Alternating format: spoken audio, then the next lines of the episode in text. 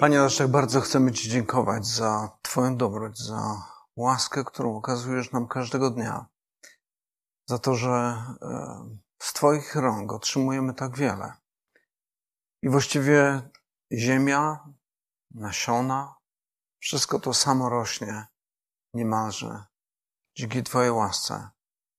Dziękujemy Ci, Panie, że tak urządziłeś ziemię, że daje nam jedzenie, daje nam to wszystko, czego potrzebujemy do życia, ale również do pobożności, bo Ty, Panie, zadbałeś o to, by, byśmy nie zginęli w naszych grzechach, ale włożyłeś w nasze serca Ducha Świętego, dałeś nam sumienia, które pobudzają nas do tego, żeby szukać Ciebie. I kiedy znajdujemy Ciebie, znajdujemy to prawdziwe życie. To życie, które przygotowałeś przez Pana Jezusa. Dziękujemy Ci za Twoją łaskę, za Twoją dobroć, za Twoje królestwo, które wstąpiło do nas i którego możemy stać się częścią. Dziękujemy Ci, Panie, za to, że chociaż nie jesteśmy w żadnym stopniu godni tego, co uczyniłeś, to Ty jednak tak bardzo zniżyłeś się do nas, do ludzi, którzy pluli Tobie w twarz, do tych, którzy gardzili Tobą, do tych, którym wydawało się, że sami sobie poradzą w życiu. I dziękujemy Ci za to, Panie, że Ty przemieniłeś nasze serca, że dotknąłeś ich, sprawiłeś, że zaczęliśmy wołać do Ciebie, widząc, jak bardzo Ciebie potrzebujemy. Panie, niech Twoje imię będzie uwielbione. I dziękujemy Ci też za tą dzisiejszą niedzielę, kiedy tak szczególnie właśnie chcemy Ci dziękować za to, co czynisz dla nas. Bo Twoja łaska jest zdumiewająca. Przychodzi ludzkie pojęcie i naprawdę schylamy nasze głowy przed Tobą i oddajemy Ci hołd i chwałę, Panie, bo tylko Ty jesteś jej godzien. Amen. Tak, przeczytamy dzisiaj e, fragment z Ewangelii Łukasza. fragment, który e, właściwie jest bardzo podobny do tego fragmentu, który kilka tygodni temu czytaliśmy, e, który nazywany jest kazaniem na górze. Tutaj mamy bardzo taką zawężoną wersję tego, ale po prostu od razu przejdziemy do tekstu i będziemy mówili o królestwie. Królestwie, które jest zupełnie inne, królestwie odwróconym, jak tutaj w tytule widzieliśmy. On podniósłszy oczy na uczniów swoich, powiedział, Błogosławieni ubodzy, albowiem wasze jest Królestwo Boże. Błogosławieni, którzy teraz łakniecie, albowiem będziecie nasyceni. Błogosławieni, którzy teraz płaczecie, albowiem śmiać się będziecie. Błogosławieni będziecie, gdy ludzie was nienawidzić będą i gdy was, wy, gdy was wyłączą i żyć was będą i gdy imieniem moim pomiatać będą jako bezecnym z powodu Syna Człowieczego. Radujcie się i weselcie się w tym dniu, oto bowiem zapłata wasza obfita jest w niebie. Tak samo bowiem czynili prorokom ojcowie ich. Ale biada wam, bogaczom, bo już odbieracie pociechę swoją. Biada wam, którzy teraz nasyceni jesteście, gdyż będziecie cierpieć głód. Biada wam, którzy teraz się śmiejecie, bo smucić się i płakać będziecie.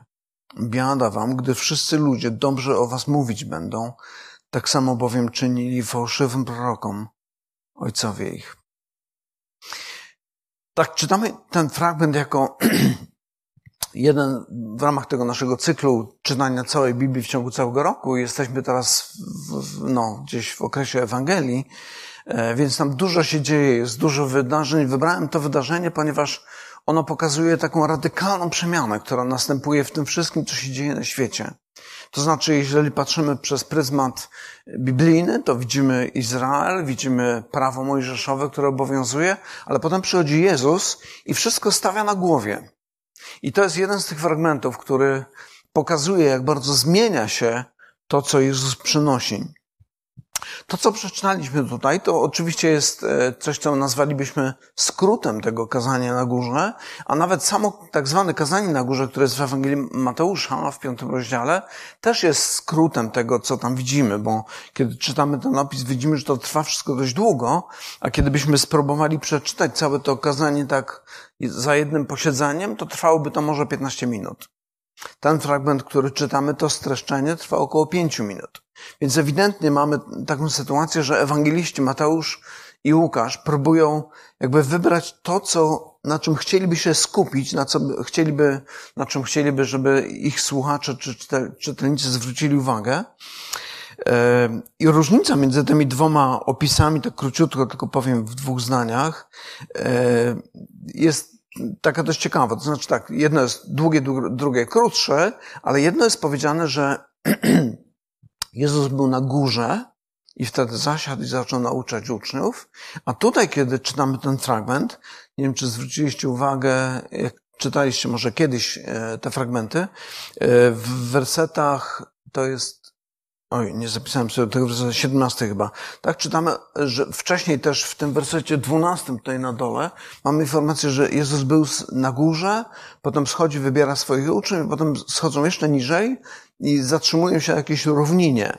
Więc najwyraźniej to, ta równina była jakąś częścią wzniesienia, które tam było i prawdopodobnie stając z plecami do tego wzniesienia akustycznie jest to najlepsze rozwiązanie, żeby przemawiać do tłumów, które gdzieś tam się e, zgromadziły. E, niektórzy mówią, a może to było jakieś inne wydarzenie, e, przy okazji którego Jezus mówi podobne rzeczy. Może, chociaż wydaje mi się, że nie. I wydaje mi się z tego powodu, że kiedy czytamy Ewangelię, e, mamy tam mnóstwo symboli. Symboli, które nawiązują do Starego Testamentu. I dwa, chyba to było dwa tygodnie temu, kiedy Filip przemawiał, on zwrócił uwagę na to, że nie jeden komentator zauważa to, że kiedy Jezus zaczyna swoją służbę, to zaczyna właśnie od tego przemówienia na górze. Jakby zaczyna swoją służbę, zaczyna się coś w rodzaju, e, no powiedzmy, moglibyśmy to porównywać do, do wystąpienia premiera, który tworzy nowy rząd i przedstawia swoje expose. Tutaj mamy Jezusa, który zaczyna się nowa epoka.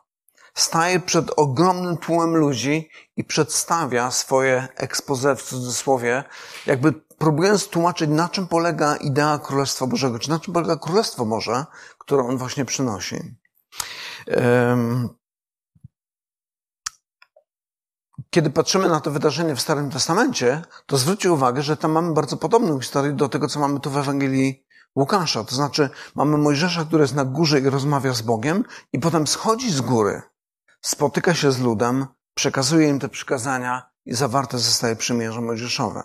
Więc mamy troszeczkę podobną sytuację. Tak jakby ewangeliści chcieli powiedzieć, słuchajcie, tam mieliście do czynienia z przymierzem mojżeszowym, teraz pojawia się nowe przymierze.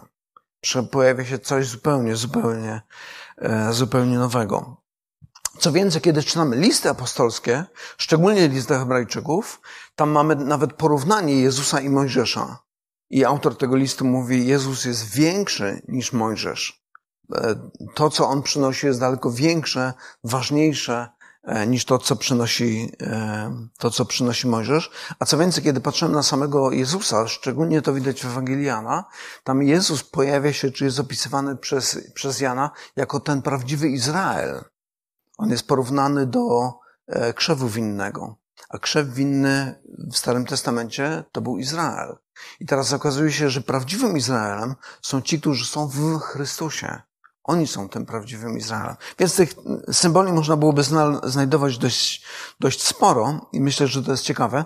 Kiedy patrzymy na ten, e, na ten nasz fragment, e, jeszcze jedna różnica, która jest między relacją Mateusza i Łukasza, jest taka, że w e, Ewangelii Mateusza mamy osiem błogosławieństw, tutaj mamy tylko cztery. Kiedy spojrzymy na ten tekst, to mamy tutaj cztery błogosławieństwa E, błogosławieni ubodzy, bowiem ich jest Królestwo Boże, błogosławieni, którzy łakną, pragną sprawiedliwości, błogosławieni, którzy płaczą. Upuściłem coś? Raz, dwa, trzy i dwadzieścia dwa. Nie wiem, dlaczego nie jest podkreślone. E, błogosławieni bądź e, będziecie, gdy ludzie was nienawidzić będą. Natomiast w Ewangelii Mateusza mamy osiem tych błogosławieństw, ale to, co robi Łukasz, Łukasz robi coś ciekawego. Łukasz pokazuje, oprócz tych czterech błogosławieństw, jeszcze pokazuje cztery biada. albo coś, co moglibyśmy nazwać czterema przekleństwami. Zauważcie, tutaj mamy werset 24. Biada wam bogaczom, biada wam, którzy teraz nasyceni jesteście, biada wam, którzy teraz się śmiejecie i biada wam, gdy wszyscy ludzie dobrze o was mówić będą. I to znowu jest element, który nawiązuje do Starego Testamentu. Kiedy patrzymy na przymierze Mojżesza, zwróćcie uwagę, jak one jest zbudowane. Mamy dwa takie wielkie jakby działy tego, tego przymierza. Dział błogosławieństw i dział przekleństw. Oprócz tych przykazań, które one są wyjaśnione i przedstawione, potem jest powiedziane, kiedy to będziesz czynił, będziesz błogosławiony. Kiedy tego nie będziesz czynił i zlekceważysz, będziesz przeklęty. I kiedy teraz mamy e, wystąpienie tutaj Jezusa, wydaje się, że Łukasz znowu świadomie gdzieś nawiązuje do tego tak, przez takie symboliczne, literackie e, elementy i wskazuje, mówi, zobaczcie, tamto przymierze wyglądało tak, to przymierze wygląda e, zupełnie inaczej. Tam mieliśmy, na początku mamy błogosławieni ubodzy, tutaj mam błogosławieni bogacze, potem mam błogosławieni ci, którzy łakną, na dole mamy 25, ci, którzy są nasyceni. U góry mamy ci, którzy płaczą, na dole ci, którzy się śmieją. No i na, ostatecznie błogosławieni ci, którzy są znienawidzeni i na dole e, przeklęci albo biada wam, o których tylko ludzie dobrze mówią. Więc tak można by podzielić na takie dwie części e, cały ten fragment. I kiedy patrzymy na te dwie części, te dwa, można powiedzieć, dwa królestwa, jakby stare królestwo to na dole, stare królestwo, królestwo tego świata i królestwo Boże, które przynosi Jezus, to widzimy ewidentnie, że to są dwa różne światy. Nie ma takiej możliwości, żeby być obywatelem jednego i drugiego królestwa. Nie ma trzeciej opcji. Albo jesteś królestwem niebie, obywatelem Królestwa Niebios, albo jesteś obywatelem Królestwa tego świata. Albo żyjesz tymi wartościami, albo tymi wartościami. Nie ma trzeciej opcji. Stare królestwo to dążenie do bogactwa i tym samym władzy i wygody, dążenie do tego, żeby być nasyconym, mieć materialny komfort i przyjemność ciała, dążenie do śmiechu i zabawy. Tutaj ma to negatywne znaczenie, kiedy skupione to jest na sobie i świętowanie swoich jakichś sukcesów. No i ostatnie e, biada dotyczy dobrej opinii w oczach innych ludzi. I dla tych ludzi, którzy żyją wartościami tego królestwa, to co przynosi Jezus, to jest po prostu szaleństwo. To jest zupełnie inny świat. To, co więcej, to co przynosi Jezus jest pożałowania godne. To jest coś, za kim nikt nie chciałby iść. To w oczach tych ludzi Starego Królestwa nie ma żadnej wartości. O czym mówi Jezus? Ubóstwo, niedostatek, czyli niezaspokojone potrzeby podstawowe, płacz, pogarda i marginalizacja. A jednak błogosławieni są ci, którzy tego doświadczają, a nie ci, którzy mają wszystko. Więc jakby Jezus stawia na głowie wartości tego świata. Ale to, na co też chciałbym zwrócić uwagę, to to, że te rzeczy, które Jezus wymienia, e, te, które są, są jakby źródłem błogosławieństwa, czy niosą za sobą błogosławieństwo, nie są wartością samą w sobie. To znaczy, to nie chodzi o to, że e, naszym zadaniem jako chrześcijan jest dążenie do tego, żeby być biednymi, dążenie do tego, żeby być pogardzanymi, dążenie do tego, żeby płakać. Tak by zupełnie nie o to chodzi. Raczej Łukasz pokazuje, że jeżeli idziesz za Jezusem, to nie zdziw się, jeżeli te elementy będą ci towarzyszyły. Po prostu tak to wygląda. I kiedy patrzymy w Ewangelię, kiedy patrzymy na dzieje apostolskie, to widzimy, że dokładnie tego pierwsi chrześcijanie e, doświadczają. Co więcej, sam Jezus tego doświadcza, ale później również jego uczniowie. Ale pomimo tego wszystkiego, ci ludzie mają coś daleko, daleko większego. Um, mają coś, co Jezus nazywa błogosławieństwem. Jesteście błogosławieni, jesteście szczęśliwi i naprawdę macie powód do radości. Co ciekawe, te, te elementy, które Jezus wymienia w kontekście Królestwa Bożego, to są elementy, których normalnie unikamy. Zobaczcie, głód, płacz, cierpienie, e, prześladowania. E, to są raczej, czy bycie zmarginalizowanym, to są rzeczy, od których uciekamy. E, w, Starym Królestwie jest dokładnie odwrotnie. I Łukasz to bardzo wyraźnie pokazuje. Jest to dokładnie odwrotne królestwo niż to, które przynosi, przynosi Jezus. Co więcej, mam wrażenie, że kiedy Łukasz opisuje e, to stare królestwo, kiedy opisuje to królestwo tego świata, to jakby każdy z tych elementów, które, które wymienia, to, że ktoś jest bogaty, to, że ktoś jest nasycony, że śmieje się, czy ktoś o nim dobrze mówi, one same w sobie nie wydaje się, żeby były czymś złym. Szczególnie kiedy czytamy resztę Nowego Testamentu, widzimy, że jakby to nie o to chodzi. Ale wydaje się, że Łukasz podkreśla to, że to stało się najwyższą wartością dla ludzi. To stało się celem samym w sobie. Mieć władzę, być najedzonym, mieć dużo zabawy i mieć mnóstwo przyjaciół wokół siebie, którzy będą ci tylko schlebiali.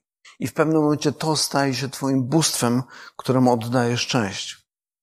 I w świetle tego wydaje się, że chrześcijanie, no to wyglądają trochę jak masochiści.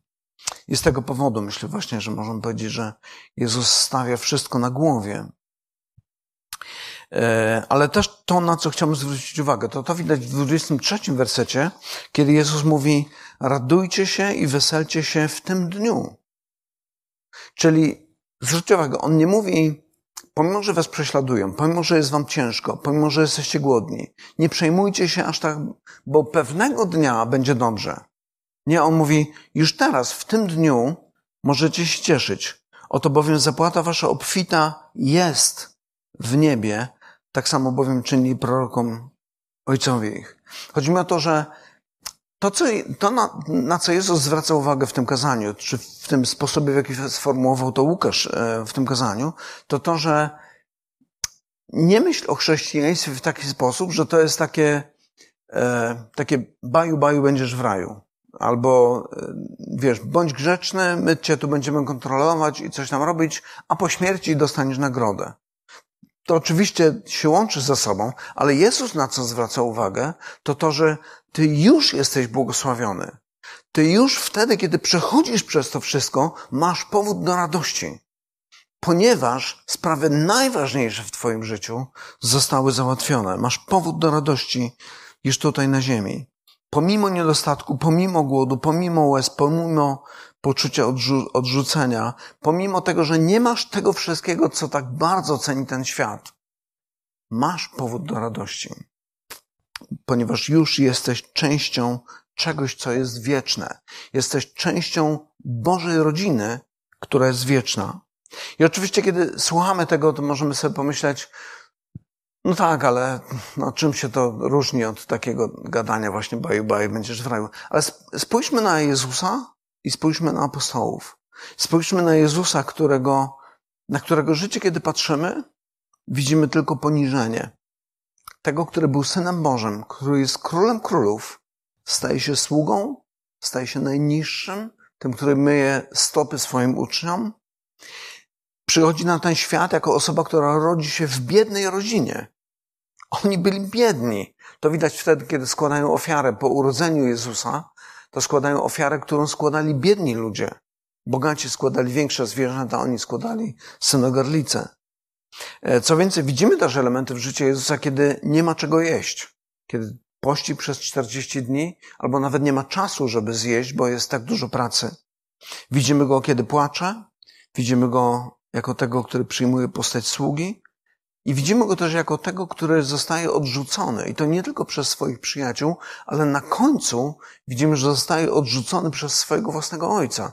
Umiłowanego, ukochanego ojca. Ostatecznie jednak zostaje wzbudzony z martwych i zasiada po prawicy ojca. Ale spójrzmy jeszcze na jednego człowieka, Szczepana. Szczepan w dziejach apostolskich to jest jeden z tych pierwszych on pojawia się tam jako diakon, e, człowiek, który zajmuje się usługiwaniem przy stole, człowiek, który ginie z powodu swojego wiernego, wiernego świadectwa, które składa. Składa świadectwo, z tego powodu zostaje ukamienowany. To tam różne ilustracje ludzie próbują pokazać, jak to mogło wyglądać. Ale zobaczmy, jak on umiera.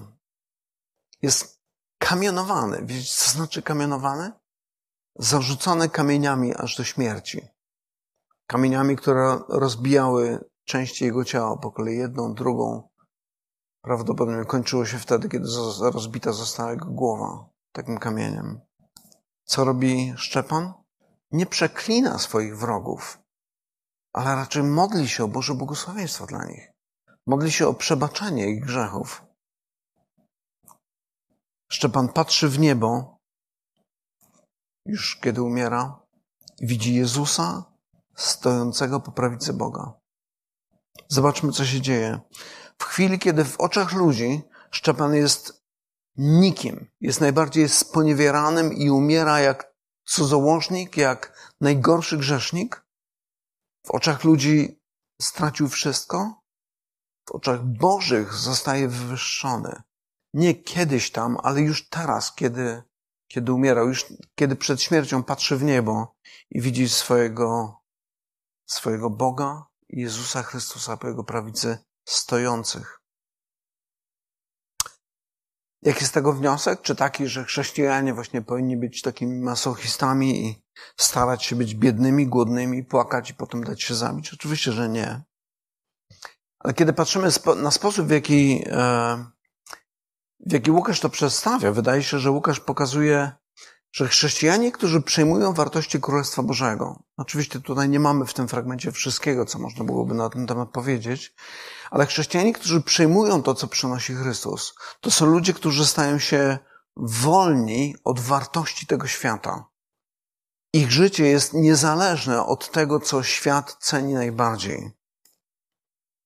Ich życie to nie jest życie, w którym chodzi o władzę, chociaż kiedy patrzymy na historię, widzimy, że są tacy chrześcijanie, w cudzysłowie, którym przede wszystkim chodzi o władzę. Im tym prawdziwym uczniem Chrystusa nie chodzi o życie dla przyjemności, chociaż widzimy takich w cudzysłowie chrześcijan, którzy żyją tylko dla przyjemności. Im nie chodzi o zabawę, chociaż znowu widzimy takich chrześcijan, którym tylko chodzi o zabawę. I nie chodzi o zdobywanie uznania czy poklasku w oczach ludzi, chociaż znamy wielu takich, którym właśnie na tym zależy najbardziej. Ale też celem chrześcijan, no właśnie nie jest celem bycie biednym, głodnym i poniżonym. To zupełnie nie o to chodzi. Zauważcie, gdybyśmy myśleli w taki sposób, kiedy czytamy ten tekst, to musielibyśmy dojść do wniosku, że ostatecznie nasze zasługi decydują o tym, czy będziemy mieli jakąś przychylność w oczach Bożych. Ja robię wszystko, żeby być głodnym, nie dojadać, nie dosypiać, być prześladowanym, nic nie znaczyć w towarzystwie i wtedy jestem dumny, bo wtedy jestem lepszy od innych. No to jest oczywiście religia uczynków cały czas. Więc można być człowiekiem, który idzie w kierunku maksimum przyjemności, uważa się za chrześcijanina, a tak naprawdę jest zaprzeczeniem wszystkiego. Można być masochistą albo kimś takim, który właśnie robi wszystko, żeby cierpieć i myśleć sobie, jestem dumny ze swojej religijności. Ani jedno, ani drugie nie jest odbiciem tego, o co chodzi Jezusowi. To raczej, co byśmy powiedzieli, to, że uczeń Chrystusa jest wolny od tego wszystkiego, co niesie ze sobą świat. I kiedy tak postępuje, postępuje raczej tak jak Jezus, niż ludzie, którzy go otaczają. Tu wyświetlił mi się wcześniej niż planowałem ten werset z listu do Filipian. Zwróćcie uwagę, w jaki sposób apostoł Paweł pisze o sobie, o swoim życiu. On mówi tak, umiem się ograniczać, ale umiem też żyć w obfitości. Wszędzie i we wszystkim jestem wyćwiczony. Umiem być nasycony, jak i głód cierpieć, obfitować i znosić niedostatek. Wszystko mogę w tym, który mnie wzmacnia. To jest w Chrystusie. I oczywiście te słowa mogą być pułapką dla niektórych i myślą sobie tak, no jak miałbym mieć do wyboru, to ja wolę być bogaty niż biedny, wolę być nasycony niż głodny, to będę robił wszystko, żeby być bogatym i nasyconym. I w ten sposób, no trochę gadają do siebie jak alkoholicy, którzy oczywiście nigdy nie przyznają tego, że nie są, że są alkoholikami. Mówię, w każdej chwili to mogę rzucić, nawet jak się przyjrzeć mojemu życiu, to byś zobaczył, że cztery razy w roku rzucam to picie i i za każdym razem potrafię to rzucać. No, a potem wraca oczywiście do tego. Więc to jest takie samo oszukiwanie się. Celem chrześcijanina nie jest ani bogacenie się, ani bycie biednym. A więc co? Chyba najlepiej to oddaje ten drugi werset, który tutaj mamy też w tym liście do Filipian. Wcześniej apostoł Paweł chce wysłać do zboru do Filipi Tymoteusza. I bardzo ciekawy sposób opisuje Tymoteusza. Mówi tak, mam nadzieję w Panu Jezusie, że rychło poślę do was Tymoteusza, abym ja się ucieszył, dowiedziawszy się, co się z wami dzieje. Albowiem nie mam drugiego takiego, który by się tak szczerze troszczył o was. I uzasadnienie? Bo wszyscy inni szukają swego, a nie tego, co jest Chrystusa Jezusa. Zobaczcie, i wydaje się, że to jest właśnie rozwiązaniem tego, kiedy patrzymy na nasze życie i myślimy sobie, no dobra, jeżeli dobrze wnioskujemy, to nie chodzi o to, żeby być bogatym, nie chodzi o to, żeby być biednym, to o co chodzi? No właśnie o to, o czym czytamy teraz w tym tekście. O tym, żeby szukać tego, co jest Chrystusa Jezusa. I Tymoteusz pod tym względem jakby przebijał, jeżeli można tak powiedzieć, wszystkich. Był człowiekiem, który żył dla sprawy Królestwa Bożego. I całe jego życie było poświęcone temu, żeby sprawami Królestwa Bożego się zajmować. I tacy ludzie, kiedy, kiedy świat patrzy na nich, myślą sobie głupcy. Głupcy marnują swoje życie. Można było inaczej, można było lepiej. Można było zmienić męża, żonę, cokolwiek tam. Można było oszukać, można było jeszcze coś tam zrobić. Tak to wygląda w oczach Bożych. E, przepraszam, w oczach świata. Ale w oczach Bożych jest tak, jak czytaliśmy w tym naszym tekście. Radujcie się i weselcie w tym dniu, oto bowiem zapłata wasza obfita jest w niebie. Nie jest do zapracowania, ale ponieważ jesteście Bożymi dziećmi, ta zapłata już jest. Jesteście błogosławieni. Jesteście błogosławieni. I teraz tak, kiedy, kiedy słuchamy tych wszystkich rzeczy, myślimy sobie, no tak, tak, oczywiście rozumiem, myślę sobie, no wydaje mi się, że nie jest najgorzej ze mną. I w związku z tym chciałbym, żebyśmy spróbowali zrobić sobie taki test. E, test, tak, to był ten werset. Najpierw z Nowego Testamentu. Test naszej pobożności. Zobaczcie, o czym mówi pismo. Jeżeli ktoś sądzi, że jest pobożny, pisze Jakub, a nie powściąga języka swego, lecz oszukuje serce swoje, to pobożność jego jest bezużyteczna. Czystą i nieskalaną pobożnością przed Bogiem i Ojcem jest to nieść pomoc sierotom i wdowom w ich niedoli i zachowywać siebie niesplamionym przez świat. Czystą i nieskalaną pobożnością przed Bogiem i Ojcem jest to nieść pomoc sierotom i wdowom ich niedoli i zachowywać siebie niesplamionym przez świat. 27 werset. I oczywiście, kiedy czytamy takie słowa, myślimy sobie, hmm, chyba nie znam żadnej sieroty. Wdowę to może prędzej, ale tam jakoś sobie radzą. Ale myślę sobie, że może powinniśmy, y, no bo jakby jesteśmy oddaleni od tego tekstu o jakieś 2000 lat, powiedzmy, może powinniśmy spojrzeć na to nie tak dosłownie, dosłownie, ale spojrzeć na to jako na, na to, kim były te osoby, które, o których pisze Jakub tutaj, sieroty i wdowy. W tamtym czasie to były osoby, które jeżeli nie miały rodziny, a sieroty nie miały i wdowy nie miały, to były osoby naprawdę pozbawione możliwości życia, warunków życia czy środków do życia. To były osoby bez pomocy z zewnątrz, nie były w stanie normalnie funkcjonować.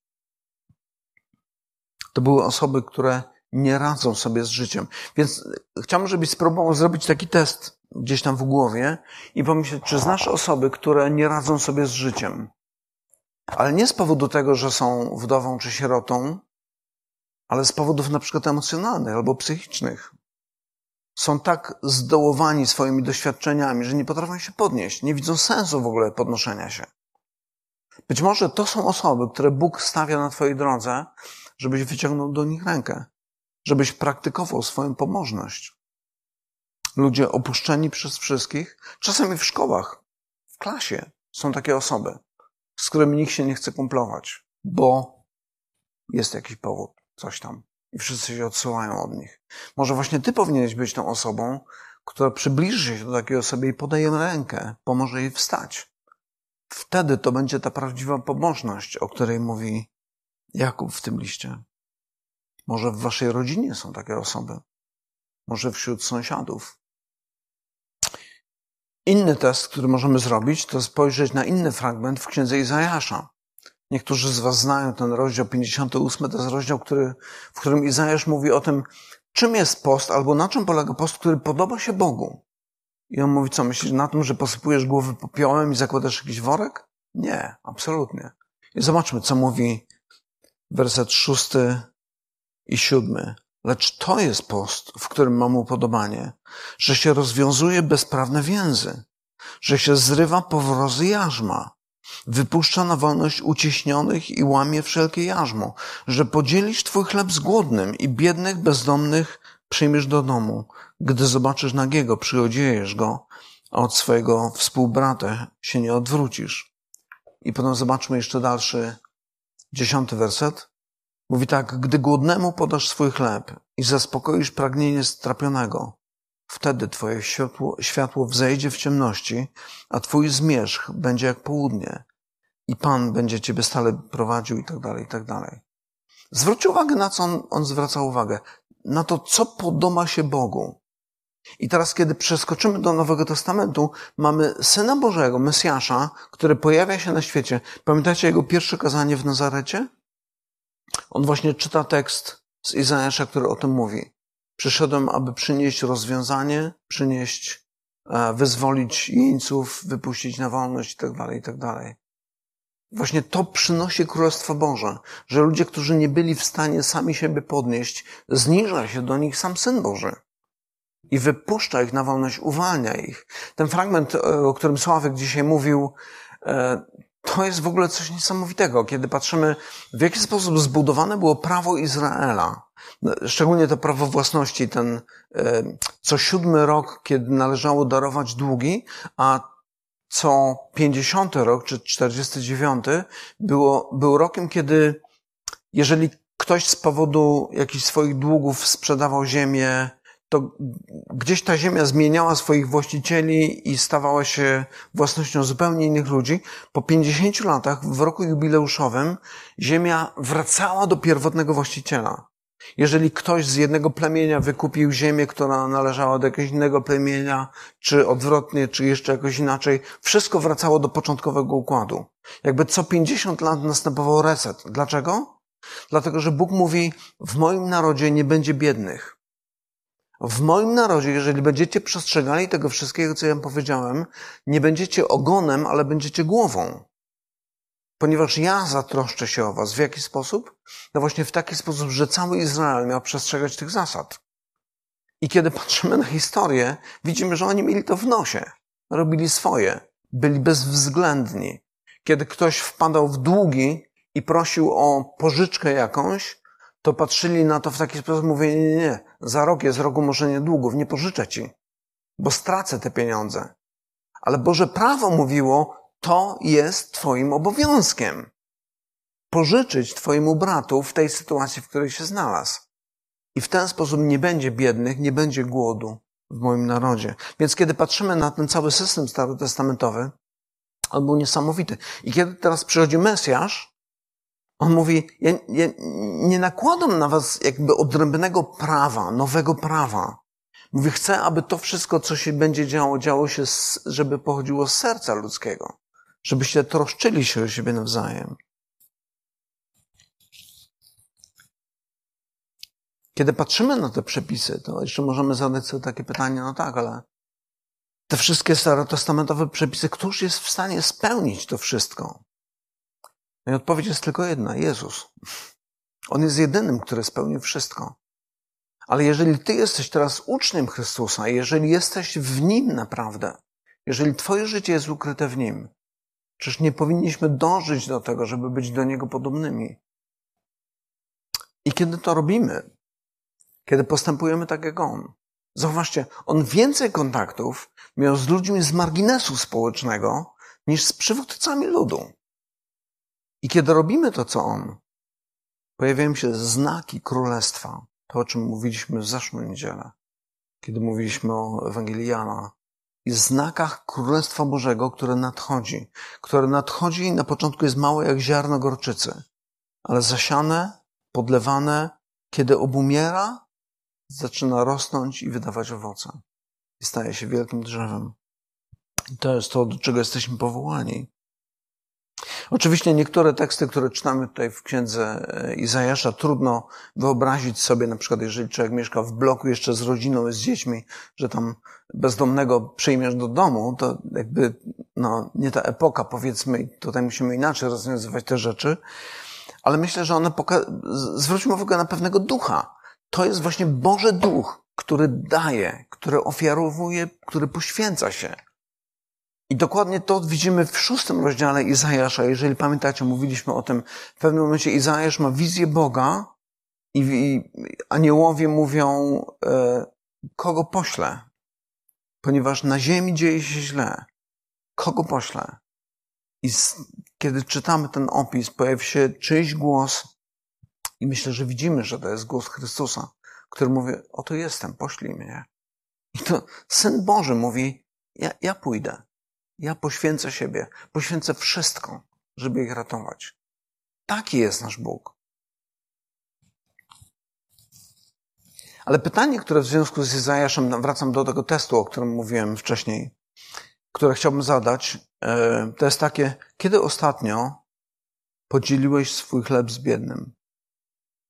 Niezależnie od tego, czy dosłownie, czy w przenośni. Kiedy ostatnio zniżyłeś się do kogoś, z kim normalnie nie utrzymujesz kontaktu, kto był w takiej potrzebie, że naprawdę potrzebował.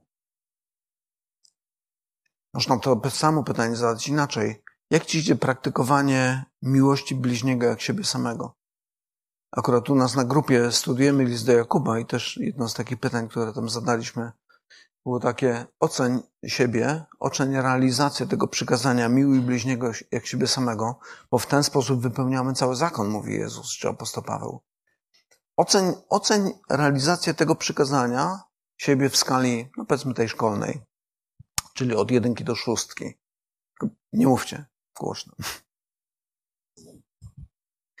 Spójrzcie, kiedy, kiedy patrzymy na historię, kiedy patrzymy na różnych ludzi typu Marx na przykład, który mówi, religia to jest opium ludu.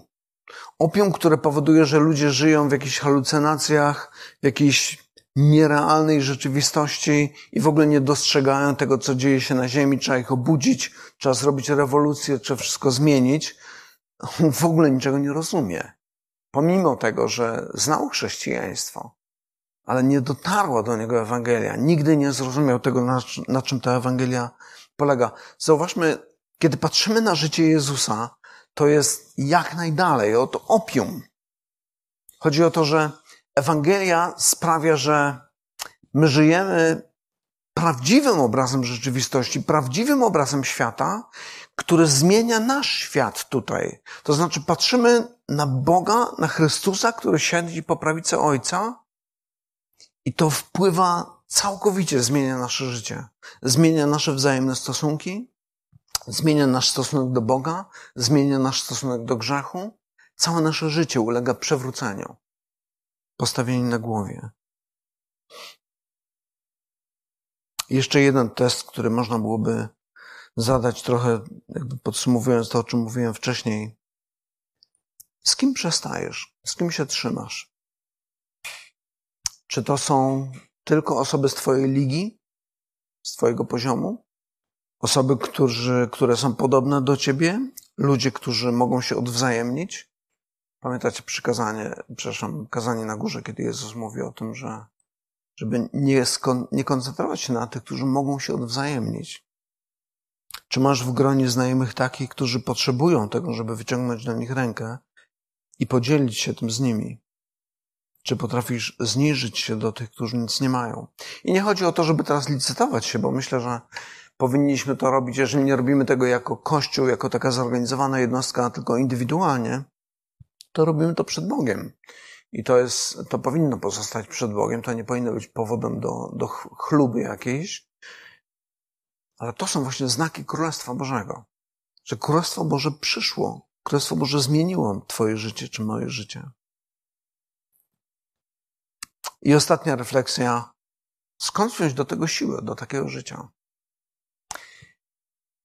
I powiem tak, Jezus zwraca uwagę e, w tym wersecie 23, e, który cytowaliśmy wcześniej, zwraca uwagę na proroków, którym tak samo czynią. 22 to był werset. Ale zmierzam do tego, że to, to może być źle odebrane. Znaczy, chodzi mi o to, że szczególnie kiedy patrzymy na Jezusa, patrzymy na Niego i myślimy sobie, wow, ten naprawdę poświęcił wiele.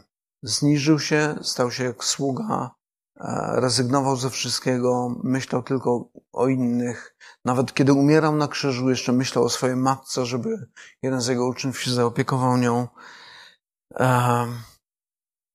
Ale to, na co musimy zwrócić uwagę, bo jeżeli Jezus Chrystus stanie się dla nas wzorem, doskonałym wzorem, którym musimy naśladować, to to doprowadzi nas nie do przemienionego życia, tylko do depresji.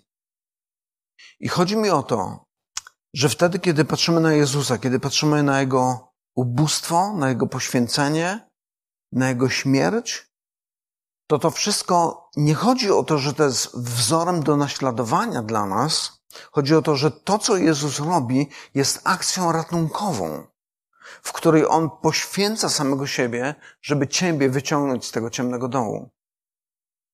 Jeżeli będziemy patrzyli na Jezusa jako wzór do naśladowania, to doprowadzi nas tylko do jeszcze większej frustracji. Ale jeżeli zobaczymy w Nim naszego Zbawiciela, i zobaczymy, co Bóg zrobił dla nas. Bóg, który nie musiał niczego, ponieważ Jego świętość pozwalała mu nas po prostu wszystkich wykasować. I wtedy byłby święty i sprawiedliwy. A mimo to On poświęca samego siebie. I kiedy patrzymy na to, myślimy, naprawdę On to zrobił dla mnie? Kiedy myślę o tym, co zrobiłem w zeszłym tygodniu, w zeszłym miesiącu, w zeszłym roku, kiedy myślę, o, przypominają mi się moje grzechy i myślę, on naprawdę zrobił to dla mnie, który nie zasłużyłem na to? Wtedy twoje poczucie bezpieczeństwa urasta jak, jak nigdzie indziej. Jesteś naprawdę bezpieczny, ponieważ On przyjmuje cię takim, jakim jesteś. Jeżeli przychodzisz do Niego, mówisz, Panie, nie jestem w stanie zasłużyć na zbawienie ale wierzę, że Ty umarłeś za moje grzechy. Wtedy otwiera się przed Tobą zupełnie nowy świat. I to staje się fundamentem, na którym jesteś w stanie prowadzić zupełnie, zupełnie nowe życie. Zupełnie niepodobne do tych wartości, o których mówi e, Jezus w tym kazaniu, kiedy mówi biada Ci, biada Wam, że jesteście tacy, czy myślicie w takich kategoriach. Zakończę przykładem, który myślę, że dobrze znamy z księgi Daniela. Tam pojawia się postać Nebukadnezara. Nebukadnezara, który jest dumny, który jest zadowolony z siebie, który jest przekonany o własnej wspaniałości i w pewnym momencie ma sen. Śni mu się drzewo, które zostaje ścięte. I on jest przestraszony. Nikt nie potrafi tego wyjaśnić. W końcu pojawia się Daniel. I Daniel zbladł, kiedy zrozumiał, czy kiedy Bóg objawił mu, co to znaczy. Pamiętamy, Dalej, dalej jak wyglądała historia. Rok po tym śnie Bóg odbiera Nebukadnezarowi rozum. Nebukadnezar staje się jak zwierzę. Staje się kompletnie bezradny. Biega po, po łąkach, po lasach, nie jest w stanie niczego zrobić, nie jest w stanie myśleć, nie jest w stanie ogarniać swojego życia. I w pewnym momencie Bóg przywraca mu rozum. Nebukadnezar sam Nebukadnezar, to jest ciekawe, bo to jest jeden fragment, kiedy poganin jest autorem części Bożego Słowa. On potem opisuje to tak. W tym czasie powrócił mi rozum i dostojność i powróciła mi moja okazałość na chwałę mojego królestwa. Moi doradcy, moi dostojnicy szukali mnie i znowu przywrócono mnie do godności królewskiej i dano mi jeszcze większą władzę. Teraz ja, Nabukadnesar, chwalę, wywyższam, wysławiam Boga niebios, gdyż wszystkie Jego dzieła są prawdą i Jego ścieżki są sprawiedliwością. Tych zaś, którzy pysznie postępują, może poniżyć. Powiedziałbym tak, wdzięczność i życie w takim poczuciu pełnej zależności od Boga jest błogosławieństwem dla każdego z nas. Wtedy, kiedy obchodzimy takie święta jak to, kiedy każdego dnia na przykład modlimy się przed posiłkiem, dziękując Bogu za to, co mamy. Kiedy czy wieczorem, czy rano dziękujemy Bogu za szczęśliwie przespaną noc, prosimy o błogosławieństwo na, Nowy dzień. Cały czas zauważcie, że to są akty takie, kiedy z pokorą poddajemy się pod Boże prowadzenie. Oddajemy Mu cześć jako temu, który jest Panem. Niezależnie od tego, czy nam się to podoba, czy nie. Natomiast ci, którzy pysznie postępują, tak jak Nebukadnezar, w pewnym momencie Bóg mówi, to ja zabieram ci rozum i zobaczysz, co teraz się będzie działo. Zobaczymy, co zrobisz. Uważasz się za wielkiego? Uważasz się za potężnego? Za błyskotliwego? Inteligentnego? Zobaczymy, co teraz zrobisz. I kiedy to doświadczenie dotarło do Nebukadnezara, Nebukadnezar zmienił zupełnie swój sposób myślenia. Co działo się później, to już Bóg raczy wiedzieć. Ale myślę, że jest to też przestrogą dla nas. Z jednej strony przestrogą, ale z drugiej strony takim wezwaniem. Bądźmy podobni do naszego Ojca, który jest miłosierny, który daje nam wszystko, czego potrzebujemy, bo Jego łaska jest wielka, bo On jest łaskawy. Chciałbym zachęcić nas wszystkich do modlitwy teraz. Do modlitwy dziękczynnej. Skorzystajmy z tego, że mamy to święto dziękczynienia, kiedy, kiedy właśnie to, tą prawdę chcemy podkreślić. Bóg jest łaskawym Bogiem my winniśmy mu wdzięczność, ale na, bo naprawdę też mamy powód do tej wdzięczności. Panie, chcemy dziękować Ci za Twoją łaskawość, za to, że ciągle okazujesz nam swoją dobroć, swoją litość. Jesteś Bogiem, który nie postępuje z nami według naszych grzechów, ale Bogiem, który, który ciągle przebacza, kiedy przychodzimy do Ciebie. I dziękujemy Ci, Panie, za to, że możemy doświadczać tak wielkiej obfitości tego wszystkiego, co mamy. Ale też modlę się, Panie, o to, żebyś uczył nas dzielić się tym, co posiadamy z innymi. Żebyśmy potrafili być tymi, którzy są podobni do Ciebie. Tymi, którzy poświęcają siebie, poświęcają to, co posiadają dla chwały Twojego imienia, służąc sobie nawzajem. Panie, modlimy się o to, żebyś w tym świecie uczynił nas takim znakiem obecności Twojego Królestwa. By ludzie patrząc na nas mogli widzieć, naprawdę Bóg jest między nimi.